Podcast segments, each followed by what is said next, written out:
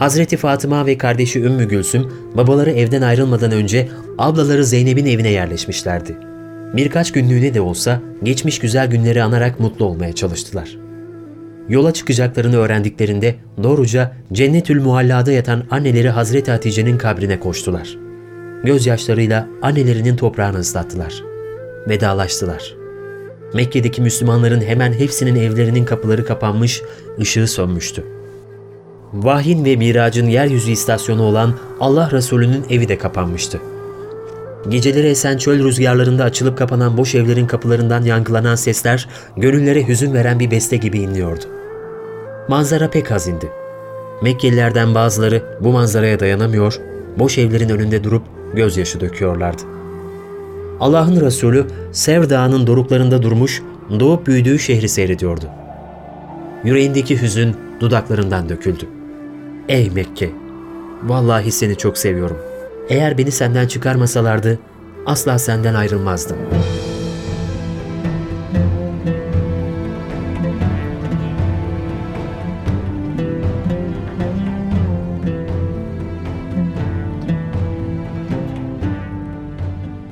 Hazreti Ali, sahiplerine verilmek üzere Allah Resulü'nün kendisine bıraktığı emanetleri üç gün boyunca dağıttı. Üçüncü günün sonunda annesi Fatıma Hatun'u, Allah Resulü'nün göz bebekleri Fatıma Tüz Zehra ile kardeşi Ümmü Gülsüm'ü, müminlerin annesi Sevde binti Zema'yı ve bazı muhacirleri de alarak Medine yollarına düştü. İmam Ali'nin artçı kafilesi Kuba'da Allah'ın Resulüne yetişti. Günlerce babasından ayrı kalan cam parçası yeniden babasına kavuşmuştu.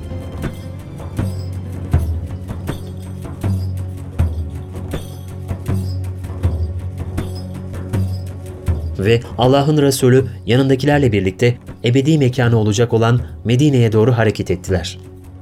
Veda tepesinden bir dolunay gibi doğuşunu Medineli çocuklar bir ay doğdu üzerimize şarkısıyla ebedileştirdiler. Başlarını göklere uzatmış olan hurma ağaçlarının incecik dalları çöl rüzgarlarında sağa sola salınarak o şarkıya eşlik ediyordu. Kadın erkek, genç yaşlı herkes yollara dökülmüştü. Yuları omzuna bırakılmış olan Kusva, Medine sokaklarında ilerlerken herkes bize, bize gel ya Resulallah diyordu. Ve gül devri başlıyordu Medine'de.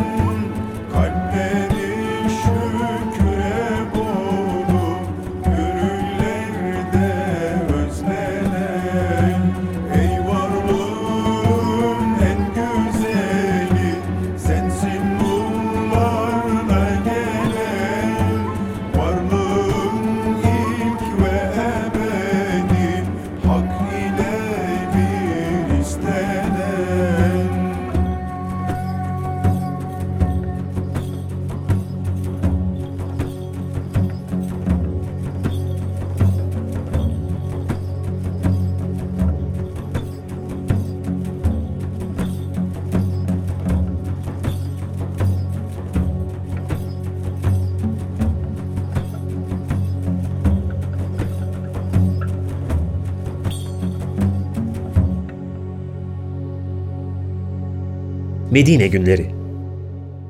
Hazreti Fatıma daha Medine'ye vardığı gün yapmıştı Medineli kadınlara ilk konuşmasını. O iyi bir hatipti. Onun konuşmalarından Medineli kadınlar çok etkilenmişlerdi. Sonraki günlerde de sık sık bir araya gelmeye başladılar. Sonbaharda güneşli günleri gri ve hüzünlü olanların izlemesi gibi Medine'de de sevinçlerin ve acıların birbirini izlediği bir dönem başlamıştı. Sevinçli olaylardan biri mescidin yapımıydı. Herkes canla başla çalışıyordu.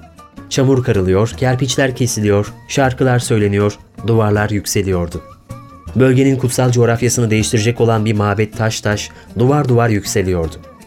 Hazreti Hamza sırtıyla kerpiç taşıyor, duvar örüyordu. Bir ara Resulullah'ı sallallahu aleyhi ve sellem kerpiç taşırken görünce ''Ya Resulallah sen otur, biz taşırız.'' dedi. Ammar sevincinden çift kerpiç taşıyordu. Bir ara bayıldı. Allah Resulü yanına gelerek ''Yazık Ammar'a. Onu asi bir kavim katledecek. Ammar onları Allah'a çağırır, onlar Ammar'ı ateşe çağırırlar.'' buyurdular. Mescit tamamlandığında ilk ezanı Bilal okudu. Ondan sonra da Bilal İslam'ın sesi oldu. Bilal, mescidimi tamamladın, dedi iki cihan serveri. Müslümanlar memnundu. Gül devri bütün güzelliğiyle sürüp gidiyor, her vakit geldiğinde kainatın efendisi Bilal, bizi ferahlandır diyordu. Günde beş vakit kerpiç damın üzerinden Bilal'in yanık sesi duyuluyordu. Bilal ezan okurken adeta gökler yere eğiliyor, yer göğe doğru kanatlanıyordu.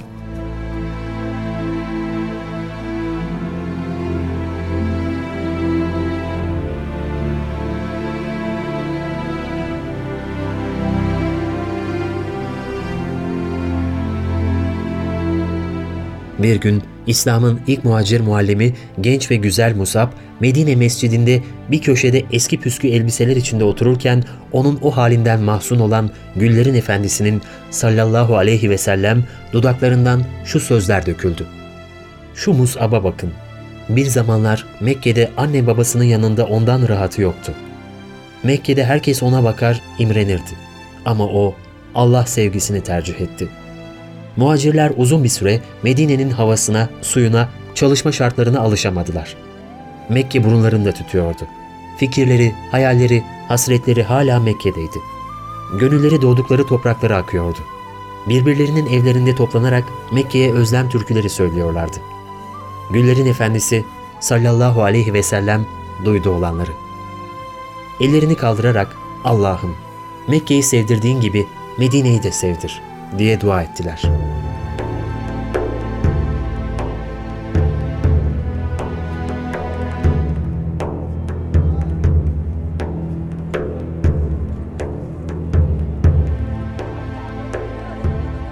Peygamberimiz sallallahu aleyhi ve sellem ensar ve muhaciri bir yerde toplayarak onları birbirine kardeş yaptığı sırada Hazreti Ali çıka geldi.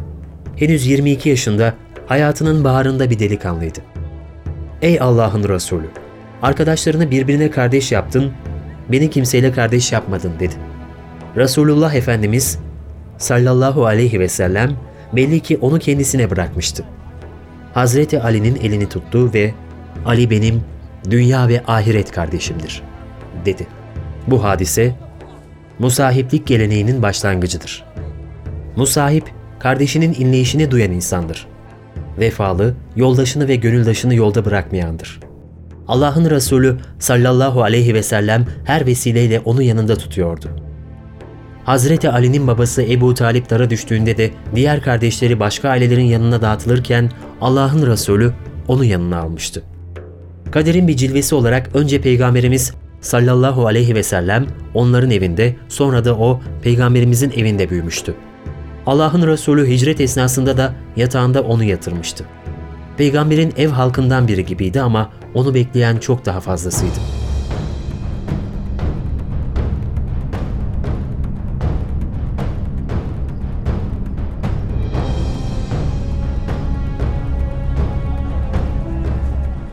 Bedir Mekkeliler Müslümanları Medine'de de rahat bırakmadılar. Yeni yurtlarına geleli daha iki yıl olmamıştı ki çölde savaş rüzgarları esmeye başladı. Savaş adım adım yaklaşırken İslam ordusu Bedir'e yakın bir yerde konakladı. İslam ordusunun sancaktarı Hazreti Ali'ydi. Allah Resulü şu küçük tepe yanındaki kuyu başından bazı bilgiler elde edebileceğimi umuyorum deyince Hazreti Ali iki arkadaşıyla ay ışığında karargahtan ayrıldılar. Özel tim görev başındaydı. Bedir kuyularının birinde karartılar gördüler. Birden üzerlerine atlayarak kıskıvrak yakalayıp karargaha getirdiler. İslam ordusunun başkumandanı Allah'ın Resulü onları sorguladı. Kureyş kaç kişidir? Pek çok. Peki sayıları ne kadardır? Esirlerde tereddüt, şüphe, kararsızlık içindeydi. Peki günde kaç deve kesiyorlar? 9 veya 10. Allah'ın Resulü kararını verdi. Onlar 950 bin arasındadırlar. Sabah olduğunda batıdaki kumlu yassı tepeden İslam ordusuna doğru gelen öncü atlı süvari birliği göründü. Ardından yayalar onları takip ettiler. Kureyş ordusu gelip İslam ordusu önünde saf bağladı. Kaba kuşluk vaktiydi. Çöl fırına dönmeden Müslümanların işini bitirip dönmek istiyordu Mekkeliler. Allah'ın Resulü sabaha kadar dua dua yalvarmıştı. Allah'ım bu ordu İslam'ın son ordusudur. Ya Rabbi bunları da mahvedersen sana kulluk yapacak kimse kalmayacaktır yeryüzünde. Yahya Kemal'in İstiklal kavgamız için yazdığı şu kopan fırtına Türk ordusudur ya Rabbi. Senin uğrunda ölen ordu budur ya Rabbi. Ta ki yükselsin ezanlarla müeyyet namın. Galip et, zira bu son ordudur İslam'ın. Şiirini Efendimizin bu duasından esinlenerek kaleme aldığını düşünüyorum. Kureyşli komutanlar savaşı başlatmak için teke tek vuruşma talebinde bulundular. Bunun üzerine Allah'ın Resulü Ensar'dan üç silahşörü sahneye sürdü. Kureyşliler bu duruma itiraz ettiler. Hem Ensar'ı kendilerine denk saymıyorlar hem de bizim onlarla bir derdimiz yok demeye getiriyorlardı. Bunun üzerine Allah'ın Resulü kalk ya Hamza, kalk ya Ubeyde, kalk ya Ali dediler. Nebiler Nebisi yakınlarını sahneye sürerek savaşın yükünü üzerine almış oluyordu. Hazreti Ali Velid'i, Hazreti Hamza Şeybe'yi birer hamlede yere serdiler. Ubeyde bin Haris, Utbe bin Rebiya ile vuruşuyordu. Hazreti Hamza ile Hazreti Ali onun yardımına koştular ve hasmını öldürdüler. Ama Hazreti Ubeyde ayağından yaralanmıştı.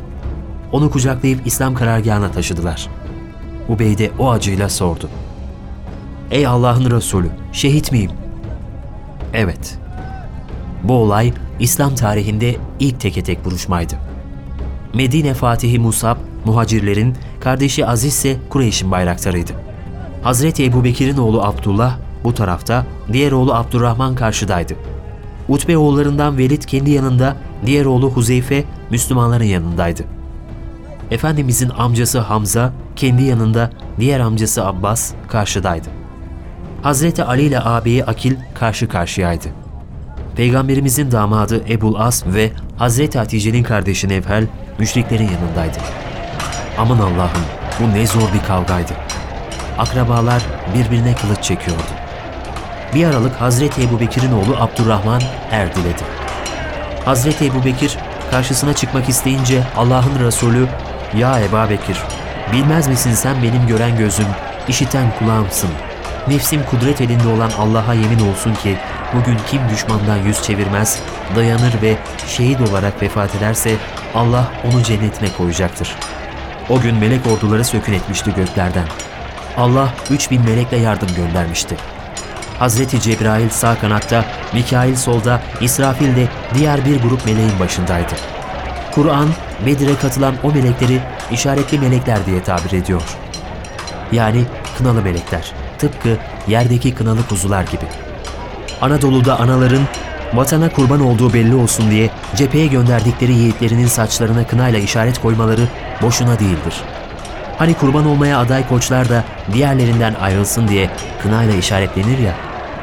Kınalı melekler beyaz, yeşil, kırmızı ve sarı sarıklar sarmış, alaca ve kır atlara binmişler, sarıklarının uçlarını da sırtlarına salıvermişlerdi. Yerdeki kınalı kuzularla omuz omuza vererek çarpışmaya katıldılar. Meleklerin böyle bizzat harbe iştirak ettikleri Bedir'den başka bir harp bilmiyoruz.